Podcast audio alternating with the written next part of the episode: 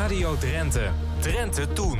Je luistert naar de podcast van Drenthe Toen, waarin we zometeen beginnen in Assen toen het ontsloten werd via de rails. Drenthe bungelde er een beetje achteraan wat het spoor betreft. Kitty Jans schreef het Asser spoorboekje en het gaat over allerlei soorten rails in Assen, ook de tram en ver daarbuiten. Met Hendrik Hagmer van het Veenkoloniaal Museum in Veendam zoeken we het nog verder op. We reizen af naar verre kusten. Ook daarover wordt verteld in zijn museum. En toen wij eh, onze laatste collega's kregen, die waren helemaal verbaasd dat wij van die oude Riga-balsamflesjes hadden. Dat wisten ze helemaal niet, dat het uh, ook hier in deze regio gewoon uh, bekend was. Riga balsamflesjes dus. En Henk Luning, onze expert op het gebied van de dierenhistorie... neemt vandaag de tortelduif onder de loep. Het dier was gedurende eeuwen een geliefd huisdier.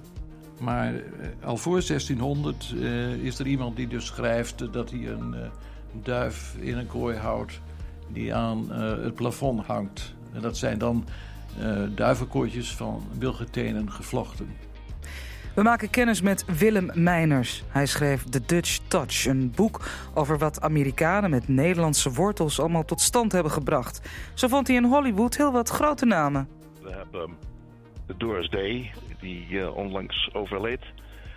Uh, die uit Groningen kwam oorspronkelijk. Uh, we hebben Robert De Niro, die afkomstig is uit Monnikendam en Schorel. Elvis Presley, mijn held, uit Spakenburg, waar ik 20 jaar gewoond heb. Ja, en of daar Drenthe bij zitten, we vragen het Willem Meiners.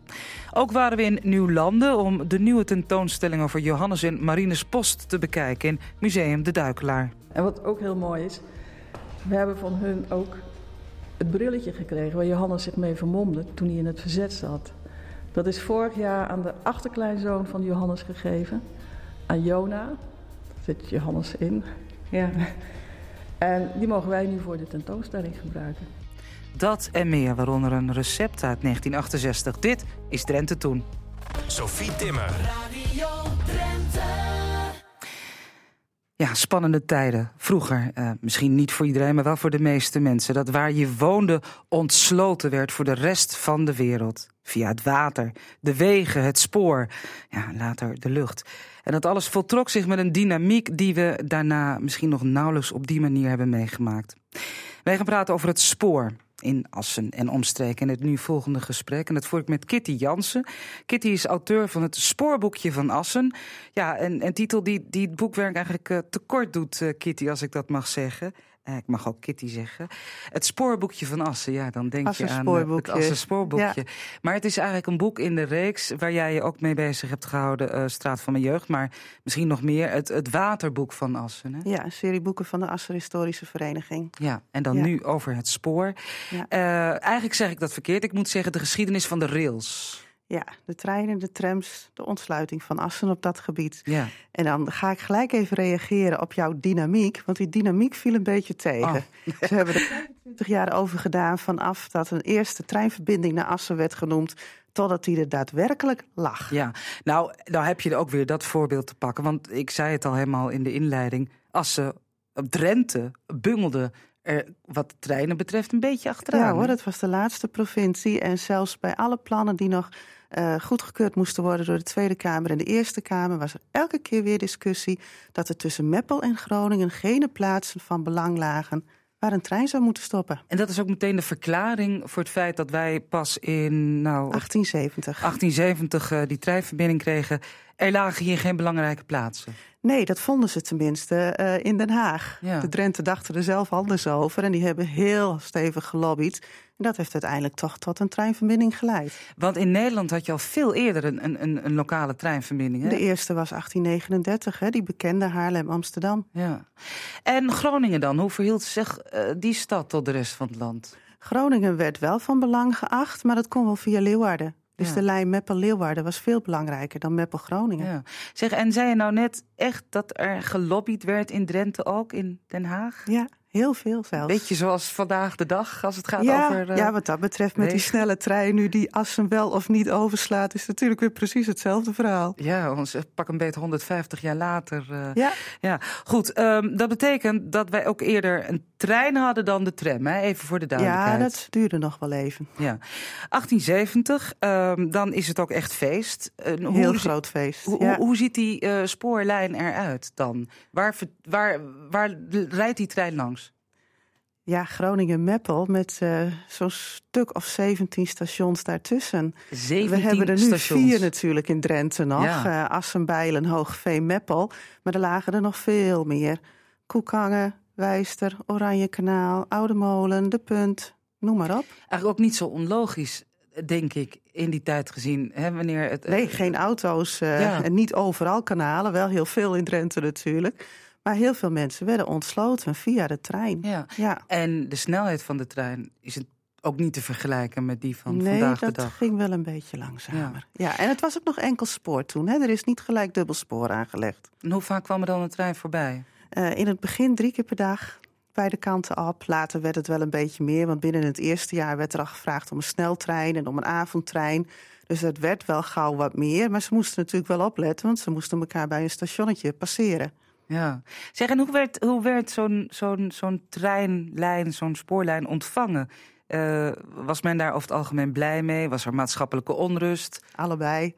Allebei. Als je kijkt naar de kranten uit die tijd, dan had je een paar dagen voor de trein, uh, de spoorlijn geopend werd, nog met allerlei ingezonden brieven ook van hoe eng het werd en, en wat er allemaal voor rare dingen zouden gaan gebeuren. De vuurkast rolt donderend Drenthe binnen. Maar er waren ook heel veel mensen waren er heel blij mee. Ja. Ja, daar kan ik me ook van alles bij voorstellen. Maar het is ook altijd moeilijk om met de, de blik van vandaag hè, terug te kijken naar het verleden. Ja. ja. we zeggen nu bijvoorbeeld ook wel dat de spoorlijn Assen in tweeën deelt. Tussen Assen-Oost en uh, nou ja, Assen-West zal ik maar zeggen. Maar dat werd toen heel bewust gedaan. Toen was er natuurlijk nog geen Assen-Oost, wel een buurtschap Steendijk. Maar ze durfden nog niet de spoorlijnen dwars door de steden te leggen. Omdat ze niet wisten nou, of zo'n locomotief misschien ging ontploffen of zo met al dat enge stoom. Dat zou ook veel te gevaarlijk zijn. Precies, dus dat werd buiten ja. uh, de kernen gelegd. En, en hoe zat het dan ook, ook letterlijk buiten de kernen, op het platteland bijvoorbeeld? Waar uh, weilanden van boeren werden die uitgekocht? Of hoe ging zoiets? Nou, soms wel, maar meestal werd het wel afgestaan. Of voor een heel symbolisch bedrag. Omdat uh, voor de boeren en dergelijke was het natuurlijk ook wel handig met het vervoer van producten. Dus het merendeel ging heel makkelijk. Ja, met een aantal mensen hebben ze even moeten knokken ja. voor de gronden. Ja. Um, we hebben het over stations gehad en over stopplaatsen, kleine plaatsen. Wanneer was je groot genoeg om een station te hebben? En dat ging niet alleen om inwonersaantallen, dat ging ook om geld. Hoogveen bijvoorbeeld heeft er een heleboel geld tegen aangegooid om die spoorlijn maar daar langs te krijgen. Ja. En toen viel Ruinen af. En Meppel heeft een oud station, of een oud station, ja. nu een oud station. Dat het enige wat nog over is ja, uit die periode. Precies, dat staat nog steeds. Hogeveen, Bijlen, Assen. Ja. En die stations, die, die, als ik het goed begrepen heb uit het boek, is die werden niet door de gemeente zelf uitgezocht. Maar dat was een soort van staatsbemoeienis. Dat werd van bovenaf bepaald, ja hoor. Ja. Er, waren, uh, er was een heel hele lijst met type stations. En was je plaats zo groot of werd er zoveel goederenvervoer verwacht, want dat telde ook mee, dan kreeg je een station van een bepaalde klasse. Ja. En daar ging de minister zich zelfs mee bemoeien. Die ging weer alles klassen terugzetten. Dus er veranderde heel veel in. Ja. Maar uiteindelijk, ja, Assen kreeg een station van de derde klasse, net als Meppel. Al heeft Assen wel een gewijzigde versie. En de meeste anderen die een station kregen, zoals Bijlen en Fries Zuid-Laren, kregen dan een vijfde klasse. En de andere plaatsen, dat waren vooral gewoon kleine halt of haltes. Ja, waar mensen wel in en uit konden stoppen. Ja, en stappen. dan kwam dan een heel klein hokje te staan of alleen maar een spoorwachtershuisje. Ja, ja. ja, daar hebben we nu nog wel wat, wat, wat plekken langs de route die ons daaraan denken. Waar een Ja. restaurant in zit. Of, eh, Ja, niet zo heel veel meer. Het meeste is toch echt wel weg Ja. hier in Drenthe. Zeg, en helemaal in het begin was alles nog in particuliere handen. Maar dat veranderde in 1860 met de spoorwegwet. Ja.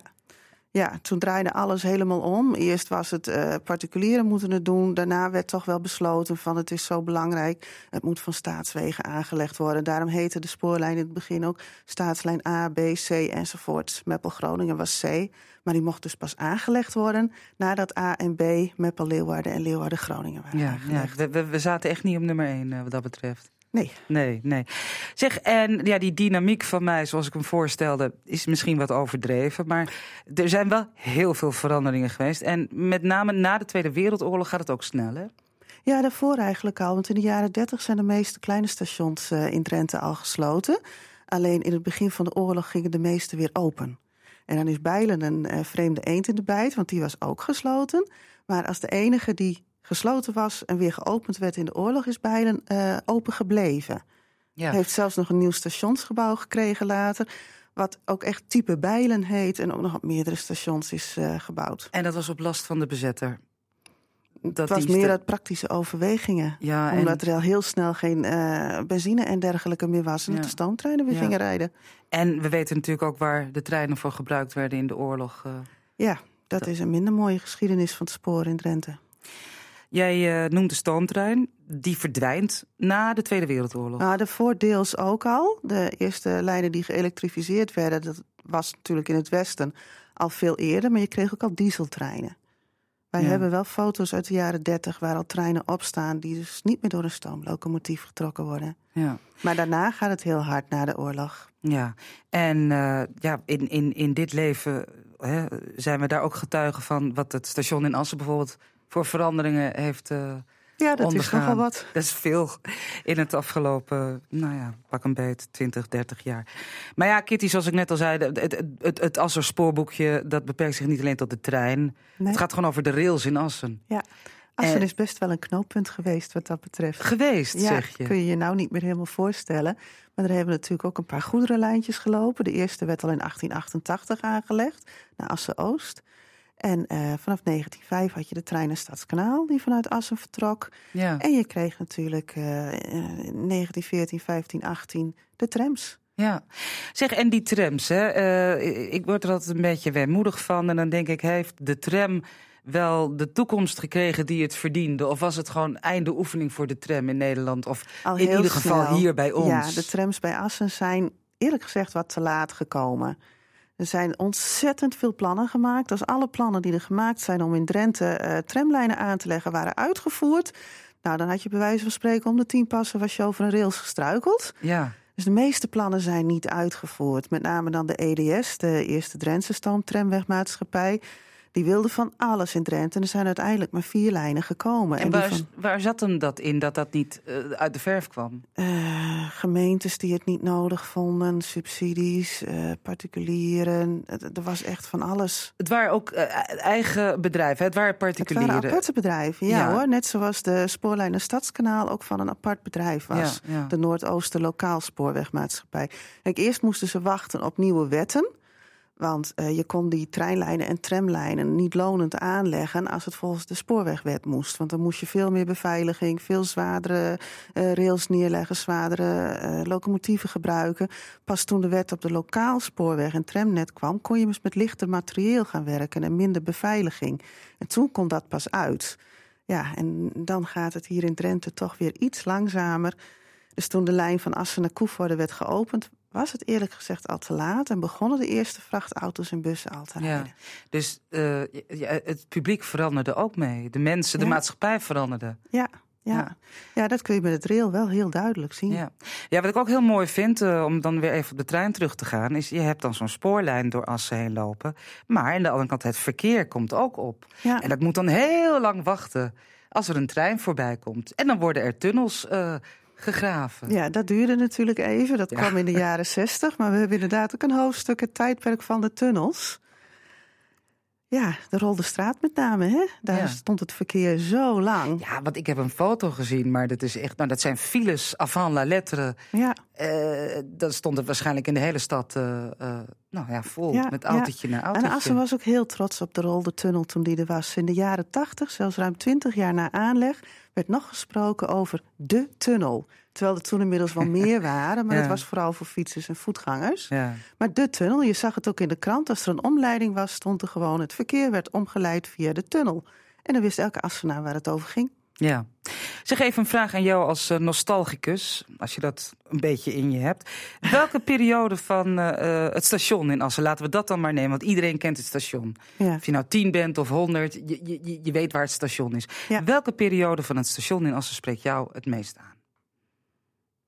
Ja, persoonlijk is dat toch mijn studententijd geweest. Dus de laatste jaren van het eerste stationsgebouw, toen kwam ik er het vaakst. Ja, met de restauratie Ja, en de telefooncel Ja. en de loketten. ja, Allemaal zaken die er niet meer zijn. ja. Ja. Ja, nou ja, bovendien vond mijn vader het altijd geweldig om dagjes uit te gaan via de trein. Dus dan kreeg ik weer een telefoontje in mijn studentenstad van nou ben ik er. En dan ging ik daar dus in het station in de restauratie met hem eten. Dus Ja. ik heb daar heel persoonlijke herinneringen aan Ja. dat er nog een restauratie was. Dat het stationsgebouw ja, veel groter was en veel meer functies had. Ja, want eigenlijk het station is wel groter geworden, maar het stationsgebouw zelf. Dat is niet veel meer, nee. Want Nee. je hebt natuurlijk ook geen loketten meer. Je moet het zelf allemaal bij de automaten doen Ja. met je kaartjes. Ja. En dan nog even over eh, die eh, eh, bevolkingsgroep die zo dol op treinen is dat ze er alles van weten. Die mensen bestaan. Ja. Jij hebt ze ook opgezocht, want je bent voor dit boek heel Nederland door geweest. Spoorwegmuseum, weet ik het, hè, veel gelezen ook. Eh, ehm, de, ben je niet bang voor, voor die mensen? Jij, jij oh, er denkt, zal vast een fout in staan. Een boek zonder fouten lukt niet. Maar we hebben er gewoon gebruik van gemaakt op een positieve manier. We hebben hier in Assen ook nou, een spoorwegfanaat wonen, René de Vries. Die weet echt eh, alles over de ontwikkeling van het spoor hier in Assen. Het is zelfs zo als ProRail wat wil doen, dan bellen ze hem om te vragen... waar de betonblokken van de zijnpalen ook alweer in de grond zitten. En die heeft gewoon steeds meegelezen met alle teksten... allerlei tips gegeven, gezegd van dit klopt niet, je moet daar even zoeken... En we zijn natuurlijk ook bij de NVBS geweest. Dat is de Nederlandse Vereniging voor Belangstellenden in Spoor- en Tramwegwezen. En die mensen hebben ons ook heel goed eh, op weg geholpen. Ja, en jullie hebben oproepen gedaan. Ja. Eh, zo was er bijvoorbeeld, ik noem maar even iets, ehm, een probleem met een bruggetje. Ja, een trambruggetje over de Assenwijk. Iedereen kent natuurlijk de grote trambrug die over het begin van het Noord-Willemskanaal heeft gelegen langs de vaart. Maar over de Assenwijk heeft een heel klein trambruggetje gelegen waar ook alleen de tram over ging, geen ander verkeer. En in het waterboek, twee jaar terug, wilden we daar al een foto van hebben, konden we niet vinden. Maar naar aanleiding van het waterboek hebben mensen contact met ons opgenomen. En ik heb een dame gesproken, mevrouw van Rosmalen. Die heeft daar als kind vlak naast gewoond. Kon zich ook nog precies herinneren dat ze dat bruggetje wel eens open had gedraaid. En hoe dat ging, heeft ze ook willen vertellen. Staat nou in het spoorboekje met een foto erbij van haar met twee buurmeisjes op dat bruggetje. Ja. En dat vind ik dan zo leuk als dat toch nog boven water komt. Ja. Ik heb nog wat dienstmededelingen tot slot. Het eh, boek wordt eh, vrijdag 21 juni gepresenteerd. Ja, In Waarhuis van de Veen in de Buningzaal. In de vorm van een, eh, een kleintje Asser Praat, de bekende talkshow.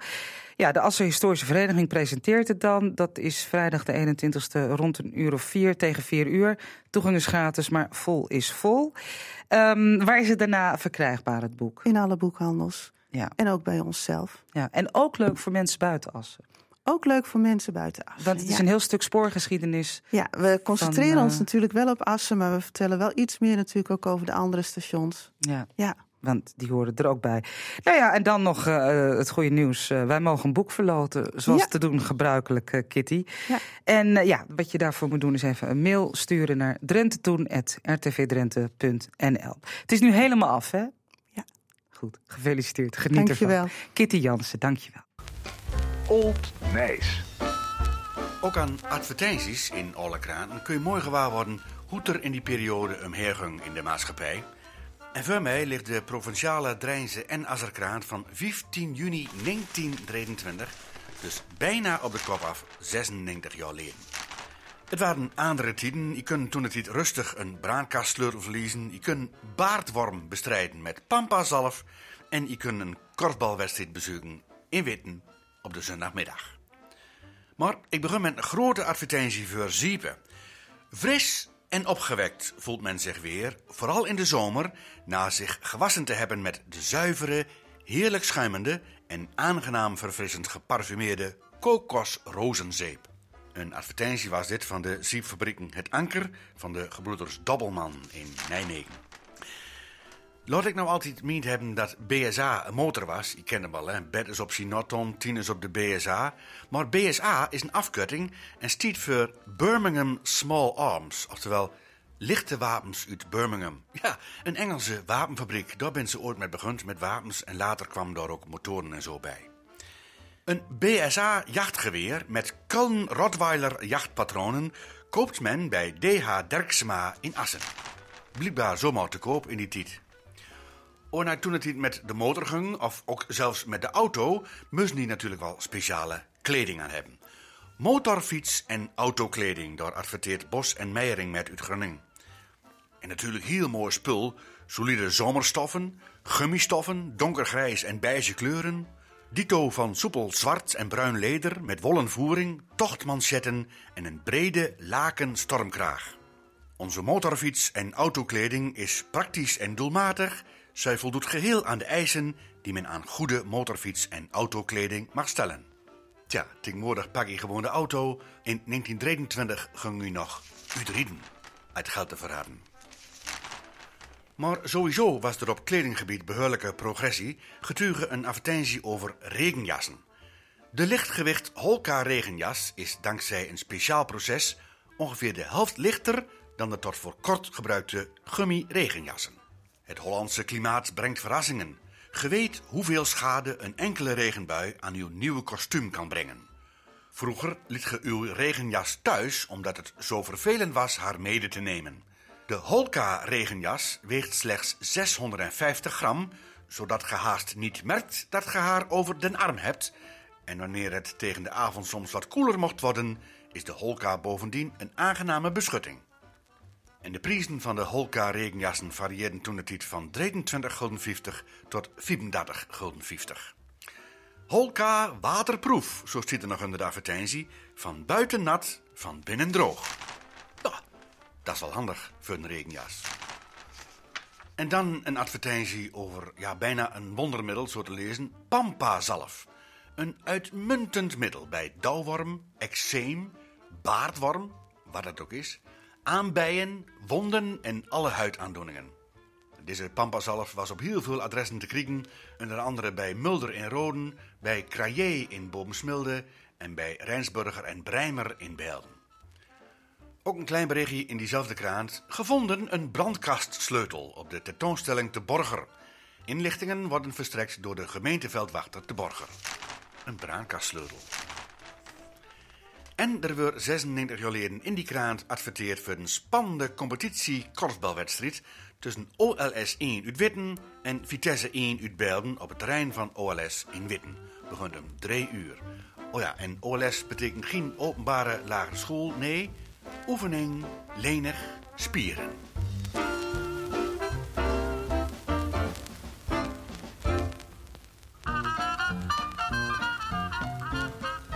Radio Drenthe presenteert opnamen uit het archief. Ja, het is tijd geworden voor ons Rono-archief, de Rono, onze voorloper. Het jaar is 1968 en wij maken Kruisdoorn onder leiding van Geesje Been. En wat is dat fijn als je zo even naar de tuin inlopen kunt om een handjevol kruisdoorns of alberen te plukken en zo fris van de bos op te eten. Ja, maar het is haast ook lekker om er iets wat van te maken. Vroeger deden ze dat eigenlijk veel meer als tegenwoordig.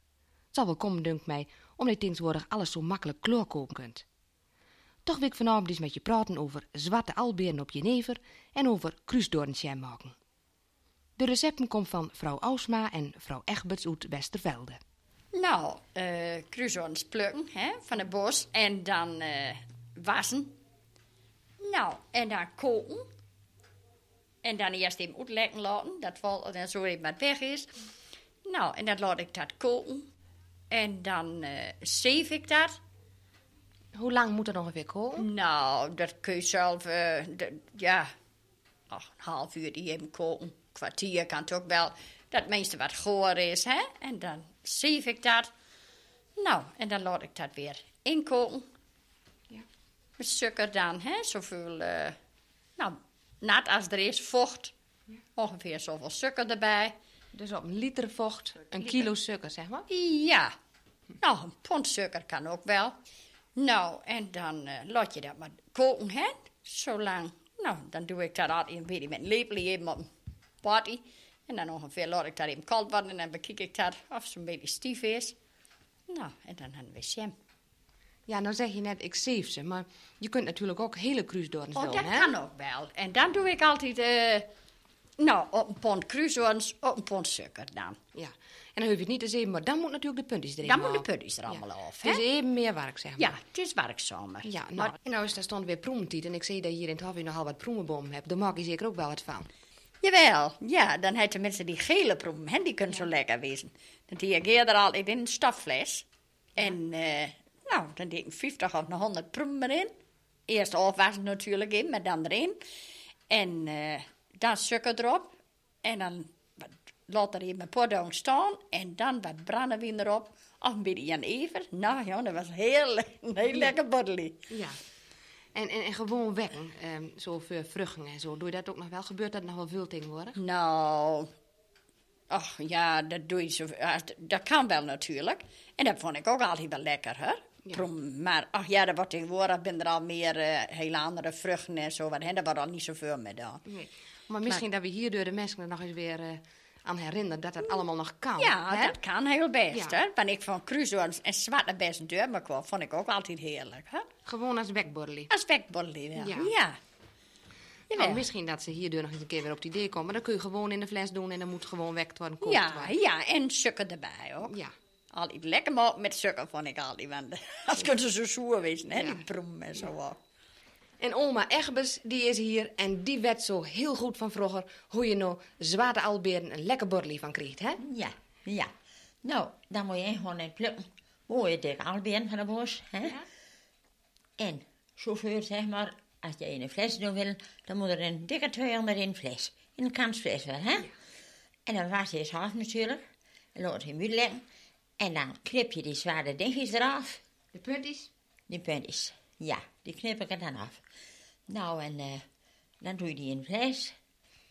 En dan doe je er bij iedere fles een half pond suiker in. Witte suiker. Hè? En dan doe je er een beetje water op. Hoeveel ongeveer? Dat ze onder staat? Ja, dat ze eronder staat. Nou, ja, wel goed eronder, hè? En dan laten... Dan moet je de fles eerst leeglopen. Want dan schuimt het een beetje, hè, de eerste dagen. Maar dan giet er wat gisten of zo? Nee, Ja, daar komt ja. wel alleen nog maar broes op. Ja, dan komt een beetje broes op. Ja. En eh daarom moet er geen kark op doen. Dat redt niet uit in de eerste niet. Nou, en dan later, dan moet er wat drank bij op doen. Hè? Als er gisteren wat dan is, dan loopt dat met er iets wel een beetje bij de fleshangers. En als dat dan dan is, dan doe je er wat drank bij op. En de kurkensief op. En dan laat je dat maar stilstaan. En dan zo nou en dan, eh, dan schud je dat in de weer. Die dan krijg je hele lekkere wien. Dus ehm 200 alberen om ergens, Ja, hè? Moet ja. ze precies tellen of komt het niet op één aan? Nou, ik tel ze wel maar er komt weer bijna aan. Maar je tellen ze maar zo'n beetje. Ja. Hè? En een half pond suiker. En een half pond suiker En in een- ieder fles. Ja, beetje water erop. Ja, ze moeten goed onder. Ja. Om, eh, dat, ze moeten goed onder, hè, onder water. En dan bijschenken met jenever.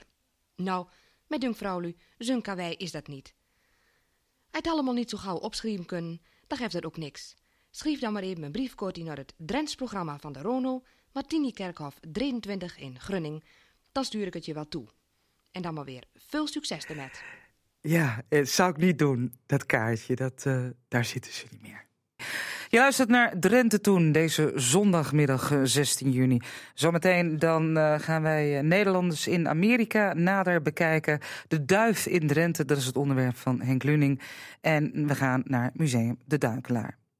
Maar eerst eh, naar het Veenkoloniaal Museum in Veendam. Met directeur Hendrik Hagmer struinen we door de collectie. En collega Lydia Tuinman ontdekt daar iets dat wel op een havencafeetje lijkt. En de ruimte waar we hier nu in staan, dat is eh, heel aardig ingericht met de stoelen, tafeltjes. Eh, het ziet er gezellig uit. Wat, Ja. wat, wat is dit? Nou, we hebben hier een eh, café nagebouwd, wat in Riga gestaan heeft. Voor de grap hebben wij dat beplakt met Veendammer Couranten, want er gaat altijd het verhaal van meneer Top. Die was een geschiedschrijver in 1890. Die zei de Veendammer Courant die kon je in eh, Londen, Liverpool en in eh, Rusland kon je die krijgen. Eh, want de mensen die gingen de zeetijdingen spellen. Nou, dat kunnen we hier dus ook zien. Overal kom je de zeetijdingen tegen. En dan kun je dus zien waar ze dan ook overal heen voeren. En als je gaat kijken, dan kom je dus gewoon allerlei schepen tegen. Hier staat ook de Pekelder. De familie Pekelder met een grietje. Nou, die gaat dan naar Kiel toe. Nou, je ziet dat ze dan vanaf Gothenburg komen. Ze varen eigenlijk overal en nergens eh, varen ze hierheen. Ja, hele internationale vaarschema's, zeg maar. Ja, Te lezen in de kranten. En je ziet natuurlijk ook de mensen uit Gasseltenijveen, uh, wat ook in het Drentse Veenkolonie een belangrijke rol speelde. Die zie je ook familie Sloots en Efting en noem het maar op. Die komen allemaal in die, uh, die zeetijdingen komen die tegen. En dan kan je eigenlijk uh, nakijken van uh, waar, waar zijn ze nu? Ja, en dat is nou gedigitaliseerd. Dus het hele krantenarchief is ook gedigitaliseerd. En dat is natuurlijk wel weer leuk, want je kunt tegenwoordig op internet gewoon heel veel vinden als je zeevarende families hebt.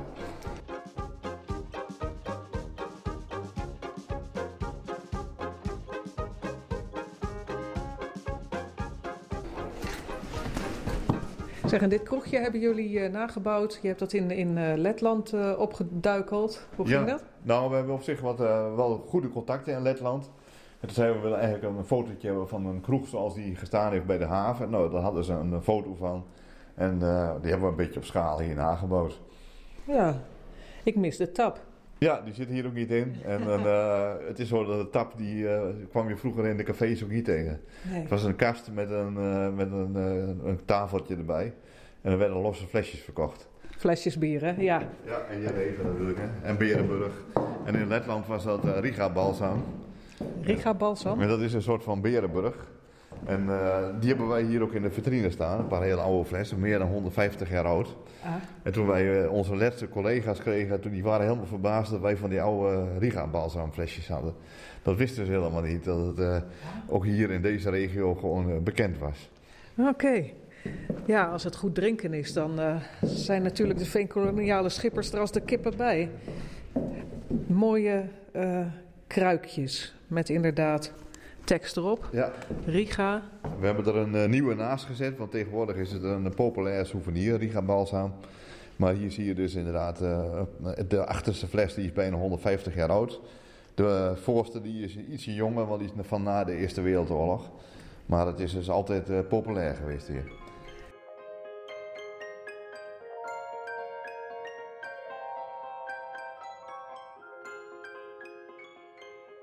Er werd veel gevaren uh, richting uh, het oosten. Ja, dus op een gegeven moment, zo'n beetje rond 1850, komt 60% van de Nederlandse vloot uit uh, de Groningen Veenkoloniën. Als je dan gaat kijken naar plaatsen als Oude Pekela, Nieuwe Pekela, maar ook Veendam Wildervank, dan wonen dan bij, elkaar zo'n zo 700, 800 zeekapiteins. En dat is bijna iets wat je nu helemaal niet meer kunt voorstellen. Gastel de speelde daar ook een rol in, zei je. Uh, in, hoe, hoe zat dat getalsmatig daar, weet je dat zo? Nou, in een aantal zaten die iets lager dan uh, Veendam en Wildevank. Maar die hebben wel een, een lange bloeiperiode ook gekend. Het is zo dat hier de zeevaart na 1890 heel snel afneemt en verplaatst het zich naar Delfzijl. Uh, in Gastel en Nijveen zijn toch nog vrij lang nogal mensen met eigen coastertjes blijven varen. Terwijl hier eigenlijk de, in Veendam ook een paar, dat was onder andere de familie Bakker. Maar je ziet dat heel vaak hier de beweging is richting Delfzijl. Dus oké, okay, het loont niet meer hier, we gaan naar Delfzijl. Maar die uh, Gastenijveense schippers, hè, uh, die woonden in Gastenijveen. Ja. Maar waar hadden ze dan hun schip? Dat lag uh, niet in Gastenijveen zelf, dat was hier in Veendam ook zo. En dat was in Pekela ook. Uh, op een gegeven moment dan varen ze gewoon, ze bouwen hun schepen, wel in de veenkoloniën. Maar die zijn eigenlijk te groot. En als eenmaal het schip te water gelaten is, dan uh, gaan ze naar Leer of Emden of ze gaan naar de stad Groningen toe. Maar eigenlijk is dan de hele zeevaart, uh, die, het is geen haven geweest. Heel vaak zeggen mensen het is een haven geweest, over Gassen tot Nijveen. Nou, in een haven daar sla je goederen over. Dat is hier in Veendam ook niet gebeurd. Ja, wel op, van de binnenvaart, maar geen buitenvaart. De enige haven, zou je nog kunnen zeggen, is Oude Pekela geweest. Want Oude Pekela, daar kon je met een zeeschip nog wel komen. En dat was in Veendam was dat niet te doen. Nee, maar het waren dus puur die, die uh, van oorsprong veen- en turfschippers die de stap hebben gemaakt naar het grote water. Uh, deels, uh, niet allemaal. Want het waren dus ook inderdaad hier ook wel boeren, boerenzoons soms, die toch ook in de zeevaart verzeild raakten, letterlijk. Ja. En je ziet ook wel dat houthandelaren bijvoorbeeld, die beginnen ook met eigen rederijen. En dat zijn ook soms toch wel heel diverse families. Je ziet natuurlijk wel dat tegenwoordig ook zo, als iemand ergens geld mee kan verdienen met bitcoins, dan wil iedereen bitcoins. Ja. Nou, dat was met die zeevaart ook. Als je in één keer ziet dat je buurman in de zeevaart heel rijk wordt, dan denk je, nou ja, misschien is het ook wel wat voor onze familie. Ja, uh, dat hout uh, was dus kennelijk een lucratieve business. Dat, dat, kwam uit het oosten? Dat kwam allemaal uit het oosten. Als je kijkt van wat bij de Groninger en Drentse houtzaagmolens werd aangevoerd, dat kwam bijna allemaal uit Rusland en het tegenwoordige Letland. Als je kijkt, Meppel heeft daar toch ook een hele belangrijke rol in gespeeld. Dus uh, Meppel heeft ook vrij grote houtzagerijen gekend. En ook uh, Blokzeil, waar een grote houtzagerij stond. En hier in de Groningen Veenkolonie stonden ook tientallen houtzagerijen die allemaal hun hout uit het Oostzeegebied halen. Oké, dus de stammen die gingen aan boord en werden verzaagd hier in het noorden van ja, het land. Ja, dat klopt. Ze hadden allemaal ruw hout. Ze importeerden heel weinig toen nog gezaagd hout. Omdat ze dat natuurlijk zelf wel wilden zagen. Pas in de jaren 20 en 30 zie je dat ze ook steeds meer uh, planken en ander hout gaan invoeren.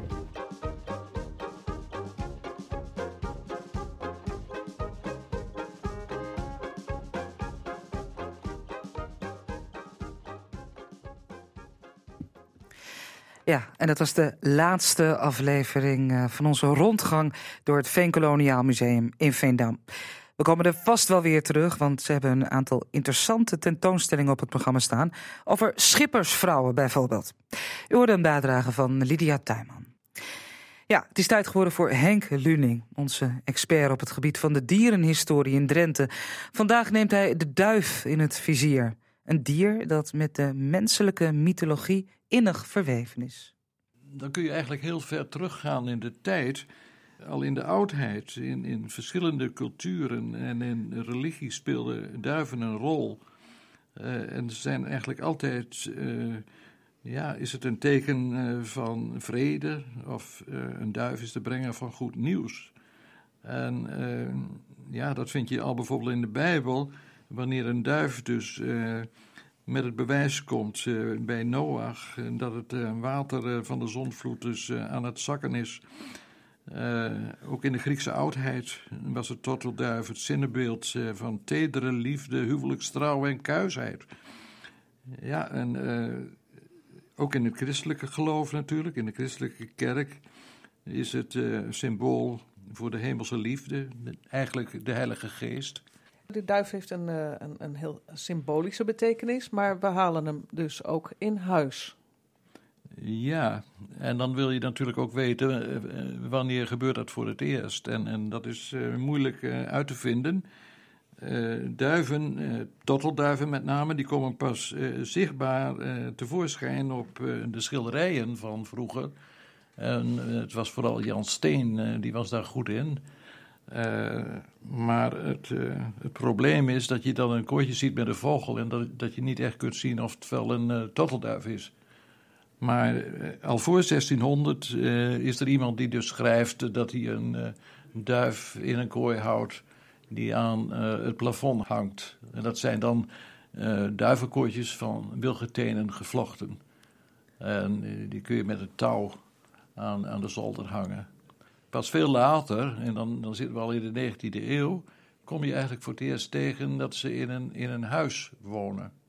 Een duivenhuis. In een duifhuis. En nog weer later, eh, zo in de, in de 19e eeuw, eh, dan eh, raakt het eh, de gewoonte dat die, die tottelduif, die zit in zijn huis, boven de keukendeur.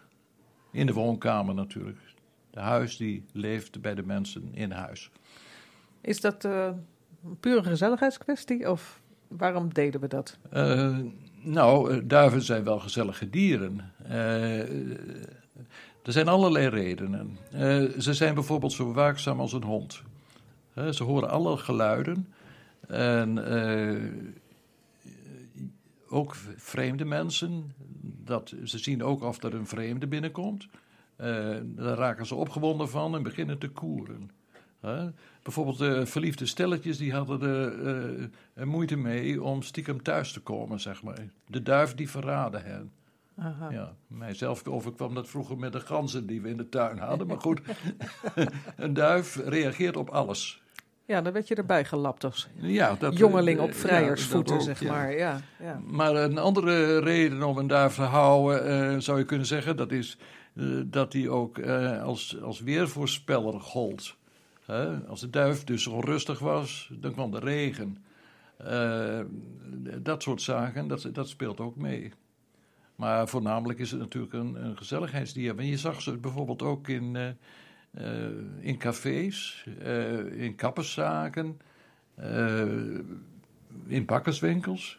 Totdat in 1930 door de vader werd verboden werd, omdat Het is nogal een stoffige boel natuurlijk, hè, die vogel in die kooi. Dus dat werd door de warenwet verboden. Maar uh, ja, het is gewoon voor de gezelligheid. Ja, kan je dat ook nog wel herinneren, dat, dat, uh, dat die duiven daar zaten in keukens uh, en in kamers? Oh jawel, ik had een buurman die had een, uh, een duif in, in, in, in de kooi in, in de keuken, ja. ja. Ja, dat kan ik me wel herinneren, ja. Maar goed, we hebben ze nu niet meer. wanneer is de klad erin gekomen? nou, de klad is erin gekomen in de oorlog. Van de Duitsers mocht je geen duiven houden. En daar vielen zelfs deze tortelduiven onder.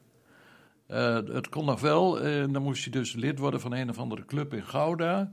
Dan was je geregistreerd, dan mocht je per gratie mocht je dan zo'n duif houden. Maar de meeste mensen die melden zich daar dus niet aan. Dus toen werden in, in 1942 werden de duiven algemeen afgeschaft eigenlijk. En na de oorlog is het helemaal gebeurd. Wat was de reden voor de bezetter om de duiven uit te bannen? het overbrengen van berichten bijvoorbeeld. postduiven, daar ging het in, in feite om. Maar ze hadden waarschijnlijk alleen maar duiven genoemd en dan heb je alle duiven. Ja, dus ook de torteltjes uit de dus keuken. ook de tortel, die moest ook weg. Of je moest je melden en dan stond je geregistreerd en dan mocht je, werd er beoordeeld of je wel een duif mocht houden. Nou ja, dus eh, dat deed men niet. En uh, dus ja, er werden de duiven afgeschaft. Na de oorlog waren er nauwelijks duiven, men begon er niet meer mee.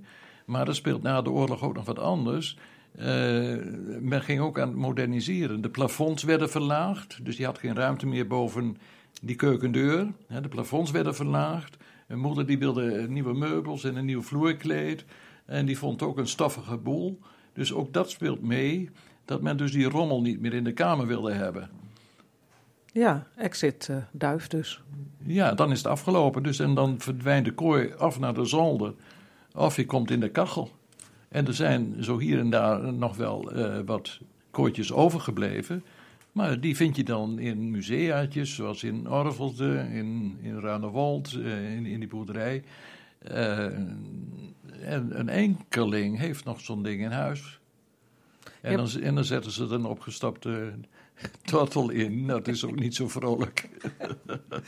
jij bent nog op zoek geweest hè, naar mensen die zo'n zo'n ding hadden misschien. Of ja. foto's daarvan. Ja, ja, ik heb uh, nou met name Jan Pluis, uh, die woont nog in het Drentse land. Die heeft daar ooit met Erna Stupperig een boek over geschreven.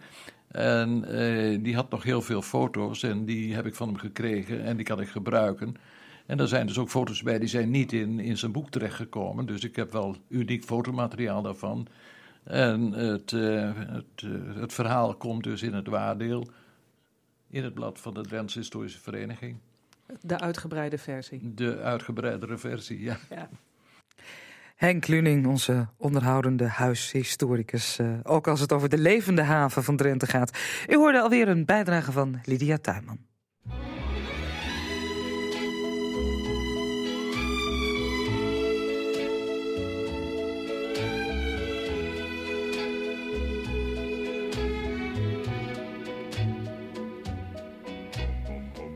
Someday, some way, you'll realize that you've been blind. Yes, darling, you're going to need me again. It's just a matter of time. Go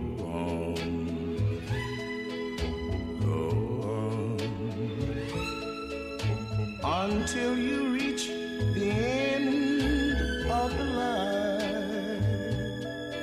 But I, I know you'll pass my way again. It's just a matter of time.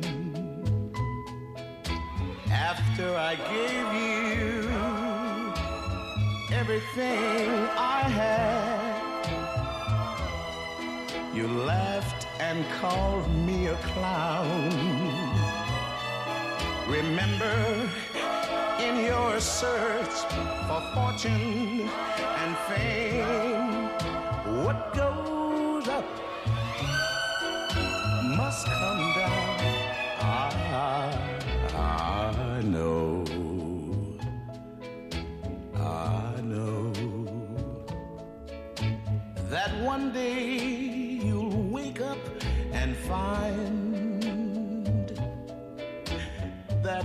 Love was a true love. It's just a matter of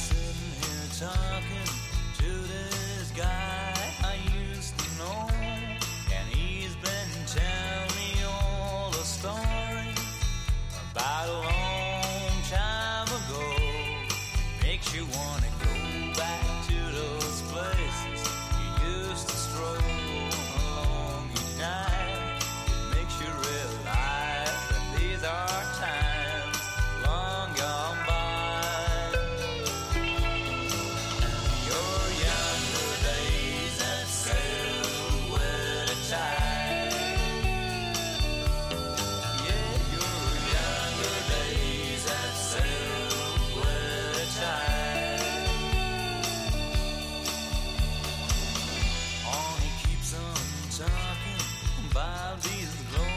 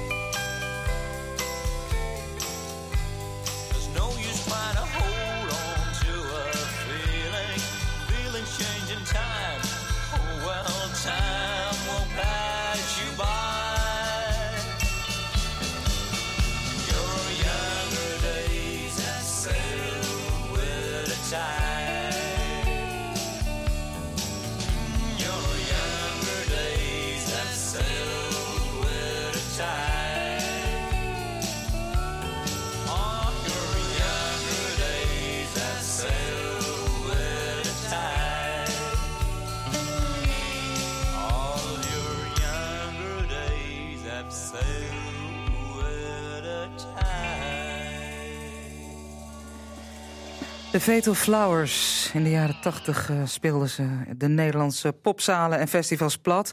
Ja, er was misschien zelfs eh, kijk op een internationale carrière. Maar toen was de koek op na een aantal albums. En een eind aan de band. Twintig jaar later is er sprake van een comeback. De band toer- toert deze maand door Nederland en de albums worden opnieuw op vinyl uitgebracht. Nou, dit was een hit van ze Fatal Flowers met Younger Days. Ja, we realiseren het ons niet altijd, maar de Nederlandse invloed in Amerika hield niet op toen Nieuw Amsterdam in 1664 New York werd. In het boek The Dutch Touch vertelt schrijver Willem Meiners, zelf Nederlander, woont in Amerika, het onwaarschijnlijke en grotendeels onbekende succesverhaal van Nederlanders in Amerika. Het is ehm, niet echt verbazend als je uh, teruggaat in de geschiedenis en je beseft hoe uh, Amerika tot stand kwam. Want dat is natuurlijk volledig Nederlands werk geweest. Uh, Nederland heeft Amerika gesticht en Nederlanders hebben Amerika ingericht en doet dat in menig opzicht tot en met vandaag. Juist, dus eh, in die zin was u niet, eh, niet verrast door, eh, door uw bevindingen, maar u bent toch op, op zoek gegaan naar meer voorbeelden van die, van die Nederlandse roots in de Amerikaanse samenleving. Wat, wat kwam u zo al tegen? Nou, het, grappige was ehm, dat ik op een ochtend dat ik mijn vrouw naar ehm, haar werk reed. Dat is een ritje van zes minuten van huis tot werk. Dat ik besefte eh, dat eh, het eerste benzinestation waar we tegenkwamen was van Shell. Ehm, langs de weg werd gewerkt door ehm, grote vrachtwagens met erop de naam Vermeer. En die waren ehm, eh, asfalt aan het leggen. Het asfalt was afkomstig van de kleinzoons van eh, Hotse Koch uit Friesland. Rechts als de afslag naar het De Wit vlie- vliegveld. Links staat het ehm, eh, Albert Heijn filiaal van Hennevoort. Waarin je, ik weet niet hoeveel Nederlandse producten eh, kunt kopen. Ja, nou ja. ik, ik ben gewoon weer thuis. Ja, en daar moet ook iets mee gebeuren eigenlijk met dat gegeven, want u, bent ermee aan de slag gegaan. Nou, dat was niet zo moeilijk. Ik heb mijn hele leven doorgebracht in eh, de wereld van het schrijven. Dus dat, eh, dat kon ik wel. Ja, u hebt eh, al heel veel boeken eh, het, het licht laten zien. Maar dit was eh, ja, ook een, een zoektocht eigenlijk naar uw eigen wortelen. Hè, waarbij u allerlei bekendheden, beroemdheden ook, ook opduikelde met, met Nederlandse oorsprong. Hebt u er zo wat paraat? Nou, dat is een van de meer opmerkelijke aspecten eh, van Amerika. De eh, reusachtige, buitenproportionele invloed van eh, Nederland en Nederlanders op, op Hollywood. En op de wereld van de zangkunst. We hebben Doris Day, die onlangs overleed. die uit Groningen kwam oorspronkelijk. We hebben Robert De Niro, die afkomstig is uit Monnikendam en Schorel. Elvis Presley, mijn held, uit Spakenburg, waar ik twintig jaar gewoond heb. Ehm, eh, eh, en ook eh, in een, een curieuze omweg, ehm, bijvoorbeeld Mark Twain. Hij komt oorspronkelijk uit, uit Nederland, de familie Clemens, Samuel Clemens. En de schrijver van Moby Dick, Herman Melville. Zijn moeder was een ganzenvoort. En, ehm, en, en ik kan een hele rij opsommen van eh, mensen met een Nederlands verleden. Van eh, eh, Julia Roberts tot Angelina Jolie uit Gouda. En, ehm, maar die toch van Nederlandse komaf zijn. Ja, dus eigenlijk die, die creatieve genen, die, die namen ze mee, overzees. Maar ehm, is dat bij die Amerikanen nou ook, ook nieuws? Als, eh, hè, u, zoals u dat omschrijft, dan is dat voor ons misschien nog niet he- heel erg verwonderlijk. Maar eh, de, de, de andere kant van deze spiegel, hoe reageert hij erop? Ja, dat is dus ook, ook nieuws voor eh, Amerikanen. Elke tien jaar wordt hier een, ehm, een bevolkingsonderzoek gedaan, een census. Dan worden de, de mensen geteld. Ieder jaar dat eindigt op een nul. Dus volgend jaar is het weer zover. En dan eh, word je gevraagd bij het ontbreken in Amerika van een eh, burgerlijke stand, die hebben we hier niet. Ehm, wat is je afkomst? En dan zeggen grofweg 5 miljoen Amerikanen dat ze eh, een Nederlandse afkomst hebben. Want dat hebben ze gehoord in de loop der jaren in de familiekring. Ja. Ehm, maar er, zijn geen, er is geen documentatie voor.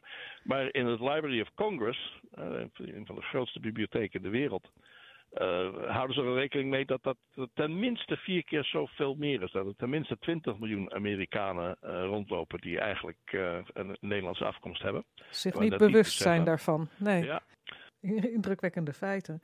Ehm, eh, nou werken wij voor de Nationale Omroep van Drenthe en wij willen dan ook altijd graag weten wat de Drentse invalshoek is. De- hoe hebben de, de, de Drenten zich gemanifesteerd in, in Amerika?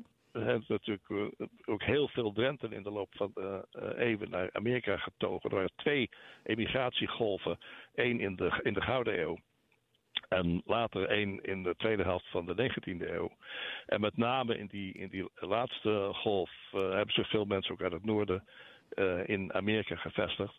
Maar ehm, ja, eh Drenthe had een, eh, een wat vreemde positie in, eh, in die tijd. Het was de achtste provincie in de Republiek van Zeven. Ze hadden niet veel te vertellen. En ehm, eh, dat was misschien ook wel een reden van, nou, we hebben hier niet genoeg te vertellen in Nederland. We gaan eens, we gaan eens uh, verder op buurten. De, de grote plas over, dat weet ik niet. Maar um, je hoort veel van mensen uit Groningen. Hè, Bruce Springsteen en Doris kwam uit Groningen. En, uh, en nog zo'n heel stel. Um, maar je hoort eigenlijk zelden van. En, en zij kwam uit Assen. Of, hij kwam uit Meppel. Uh, dat hoor je niet. Nee. Dus u heeft ook geen, geen leuke uh, beroemdheden voor ons die, uh, waar we ons op kunnen beroemen die Drentse wortels hebben? Niet dat ik heb kunnen achterhalen. Dat wil niet zeggen dat ze er niet zijn en dat ik alleen de omweg nog niet heb gevonden. Maar ehm, nee, je hoort van Friese, je hoort van Groningers. Je hoort een heel enkele keer van iemand uit Overijssel, niet zo vaak. Utrecht, Holland, Zeeland. Dat zijn de plaatsen waar de mensen hun mond wijd open deden en daar komen wij vandaan. Maar over Drenthe, als, als nog nogmaals, ze zijn er gegarandeerd. Over Drenthe hielden die mensen hun mond een beetje dicht. De Drentenaren hebben net zo hard meegewerkt aan het opbouwen van Amerika en doen dat tot de dag van vandaag als ieder ander. En we doen dat vaak uh, in een soort van bescheidenheid op de achtergrond. En, um, maar zijn net zo vitaal van belang geweest voor hoe Amerika er vandaag uitziet als, als enig ander. Nou, als u ze wel kent, beroemde Amerikanen met Drentse wortels, laat het ons weten. U hoorde Willem Meiners in gesprek met Lydia Tuinman. Meiners is Amsterdammer van geboorte, woont en werkt sinds 1991 in Amerika. Hij was uh, hier uh, onder meer dagbladjournalist, boekverkoper, helikopterpiloot en eigenaar van een radiostation. En hij woont in Bangor, Maine. En het boek dat hij schreef, The Dutch Touch, is onlangs uitgekomen bij uitgeverij Balans. Ja, het is tijd voor een bezoek aan het zuidoosten van onze provincie, waar een bijzonder museum een compleet nieuwe tentoonstelling inrichtte. Collega Lydia Tuinman neemt ons mee. We lopen in de gang van een uh, jaren 50 schoolgebouw. Met gele en zeegroene tegels op de vloer. En Hanneke Roosma loopt naast mij. En waar zijn wij? Vertel me het even. Wij lopen in het Onderduikersmuseum De Duikelaar in Nieuwlanden. En de aanleiding is dat jullie een, uh, een helemaal nieuwe tentoonstelling hebben gemaakt, die vorige maand is opengegaan. Uh, hoe is dit uh, tot stand gekomen? Het ziet er prachtig uit. Uh, wij zijn vorig jaar begonnen met een tentoonstelling in het algemeen over Nieuwlanden en het onderduikersverleden. Dit jaar willen we aandacht besteden aan de motor achter dit geheel, Johannes Post. En daar ook weer zijn broer bij betrekken, Marines Post. Dat is eigenlijk het eerste schild wat we zien. Hè? Meer dan manshoog een, uh, een portret gezocht. Staat er onder het verzet van Johannes en Marines Post. Uh, wat hebben jullie willen laten zien hier in deze tentoonstelling? Wat moeten we beleven eigenlijk als uh, bezoeker? Als je binnenkomt, dan zie je het bord gezocht.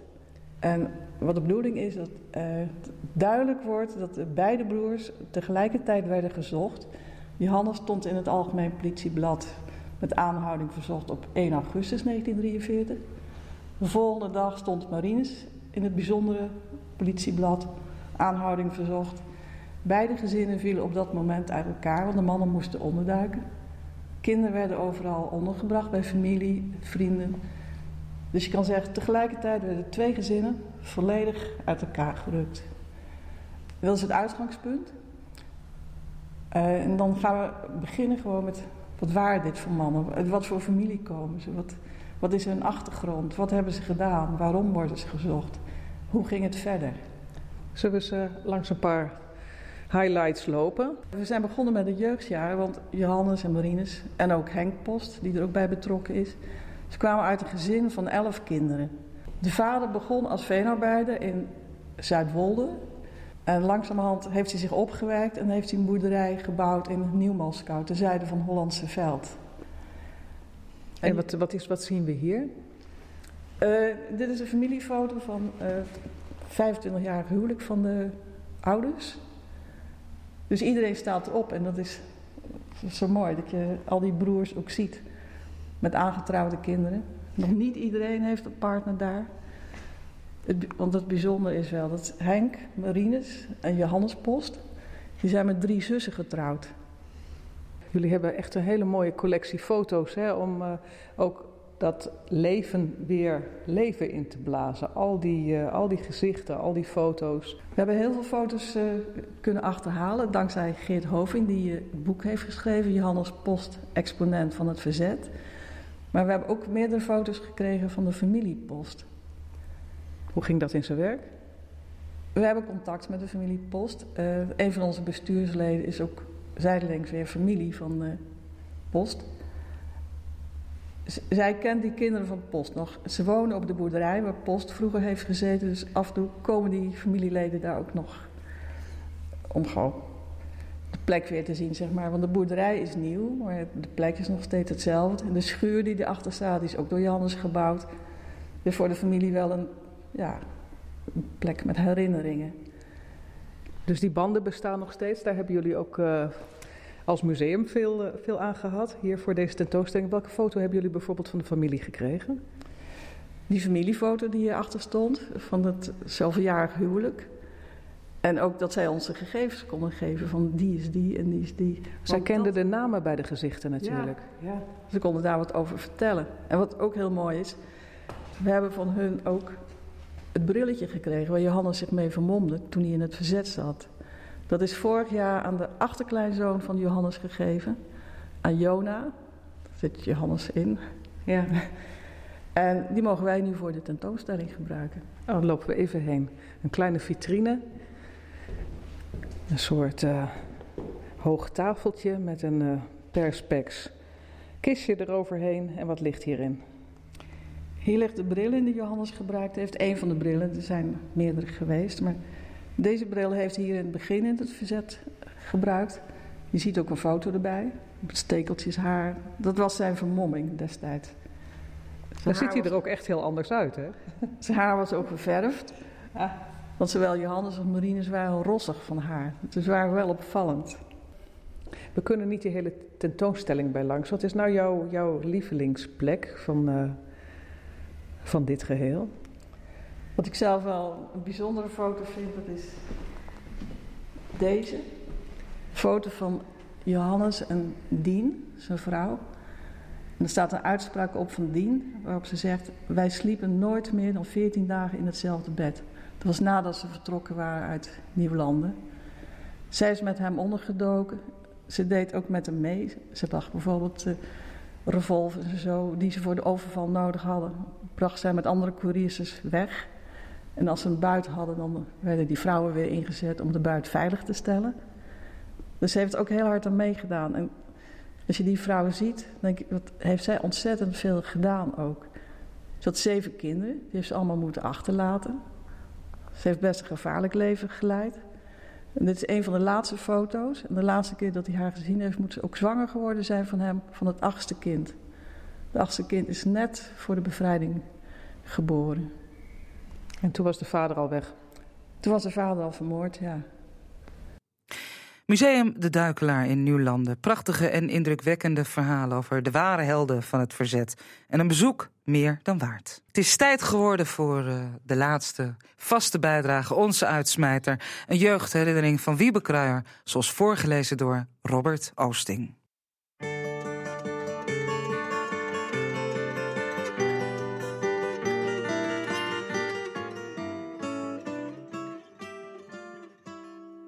Daar brood schaars was en ook niet lekker en voedzaam, stond mijn moeder s morgens vroeg op, maakte de kachel aan en bakte voor iedereen pannenkoeken. Na enige tijd was zij dit klusje echter meer dan zat en stelde voor om in plaats van pannenkoeken tarwepap te gaan koken. Niemand was daar gelukkig mee, maar ondanks ons protest zette ze haar plan door. Het was even wennen, maar eerlijk is eerlijk, na enige tijd was zelfs de grootste pan nauwelijks groot genoeg om alle magen te vullen.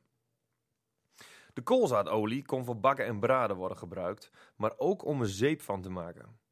Als je ergens kaliloog of natronloog kon bemachtigen, dan had je de ingrediënten om groene, zachte zeep of harde zeep te kunnen maken.